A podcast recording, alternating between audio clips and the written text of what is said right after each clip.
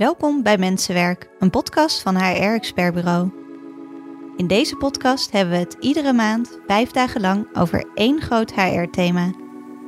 En dan vooral hoe dat thema organisaties kan helpen, door de medewerker voorop te stellen. We praten dan ook met medewerkers in het wild. Mijn naam is Sanne Quint.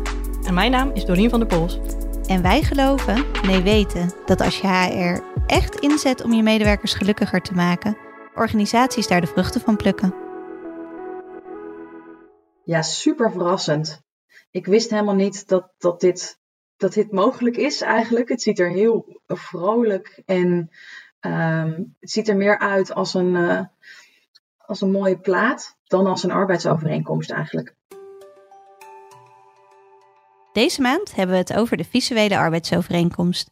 De visuele arbeidsovereenkomst is een vast onderdeel van een goede onboarding. Want een twaalfkantjes stellend document met zware juridische tekst overhandigen aan je nieuwe medewerker, dat is voor niemand een fijn begin. Vandaag hebben we het over het belang van een goede onboarding, do's en don'ts en hoe kan een visuele arbeidsovereenkomst hieraan bijdragen. Dus die eerste twee weken ehm, ziet en ja, spreekt de nieuwe medewerker ook alle collega's binnen het team, omdat we het belangrijk vinden dat, ja, dat je weet met welke mensen je daadwerkelijk werkt. Yes, je eerste werkdag bij je nieuwe werkgever. Je hebt er zin in. Gaat naar de receptie of de afdeling waar je gaat werken, of moet inloggen via Teams omdat iedereen thuis werkt. En dan? Niemand weet dat je komt. Je hoopt dat dit een grapje is, maar helaas gebeurt dit nog best vaak.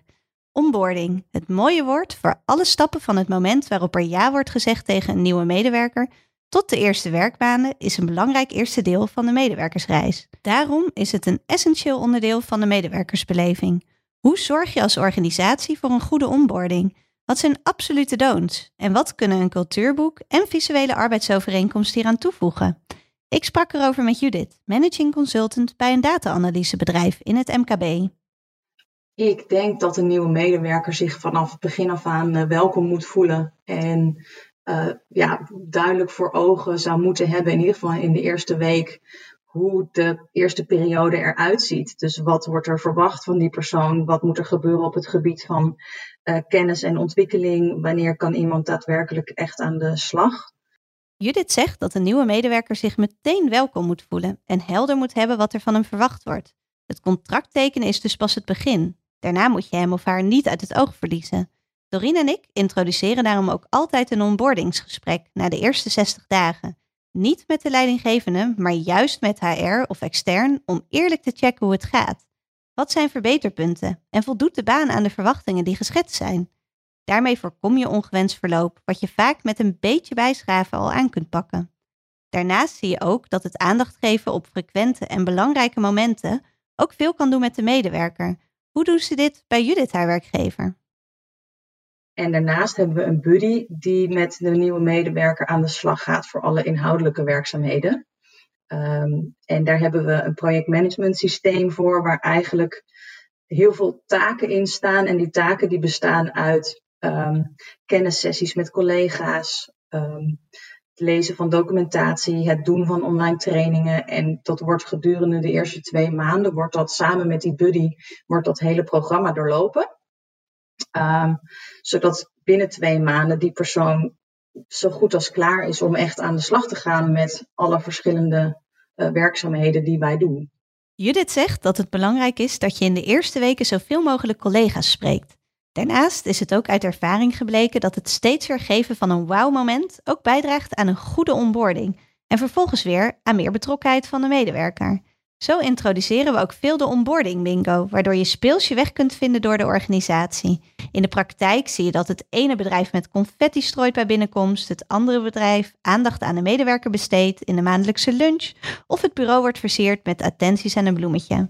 Of dat er een frisse blikkenlunch wordt georganiseerd met de directie. Ik denk dat deze wow-momenten belangrijk zijn, dat een sociaal welkom en een leuke eerste werkdag bijdragen aan een goede onboardingservaring. Maar het is niet het allerbelangrijkste als je kijkt naar onboarding. Dat is de vraag of je genoeg begeleiding krijgt of in het diepe wordt gegooid. Bij Judith wordt daar veel zorg en aandacht aan besteed. Um, nou, wanneer een medewerker bij ons begint, dan uh, komt hij altijd de eerste dag naar kantoor. uh, ook juist in deze coronatijd om um, zijn manager te ontmoeten, uh, om zijn laptop te krijgen. Wij hebben ook altijd een bosje bloemen wat bezorgd wordt, gewoon op kantoor. Um, dus die eerste dag is wel belangrijk dat we elkaar ook echt zien. En die eerste dag plannen we ook altijd even een meeting met het uh, team. Dat is vaak maar 10 minuten, maar ja, toch even kennis maken en naar elkaar zwaaien. Wat je voor coronatijd eigenlijk deed door gewoon langs iedereen te gaan en alvast een hand te geven. En daarnaast weet ik zeker dat ook de visuele arbeidsovereenkomst en het cultuurboek deze positieve ervaring zullen versterken. Ze zorgen ervoor dat de medewerker op een speelse manier wegwijs wordt gemaakt binnen de bedrijfscultuur en geldende voorwaarden. Judith denkt dat ook. Ik denk zeker dat als je het op deze manier doet, dat je er een veel meer feestelijk moment van maakt. Um, omdat het überhaupt er vrolijk uitziet. Um, um, en het, wat meer, het, is, het is geen saai document met alleen maar regels tekst. Het is, het is veel meer een feestje eigenlijk. Dus zo kan je van die ondertekening wel echt een feestje maken. En dat, dat vind ik er wel leuk aan. Ja. Wil jij zorgen voor een goede onboarding bij jouw organisatie? Hierbij nog wat tips. Maak een klein feestje van het tekenmoment. Confetti, een bubbeltje.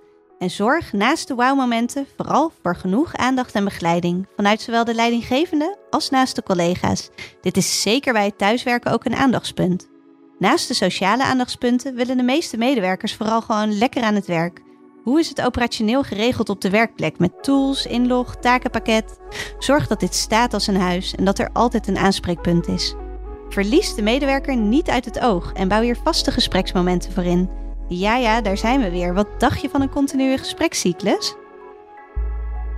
Dit was alweer dag 5, de laatste dag van Mensenwerk, de visuele arbeidsovereenkomst. Dank voor het luisteren. Je kan deze en alle andere afleveringen van Mensenwerk terugvinden in jouw favoriete podcast-app. En wil jij ook een goede start voor jouw medewerkers en ben je nieuwsgierig naar onze nieuwe arbeidsovereenkomst speciaal ontwikkeld voor het MKB? Neem dan gerust contact met ons op via www.hrexpertbureau.nl. En je mag mij en Dorien ook altijd bellen. Onze nummers vind je op onze website.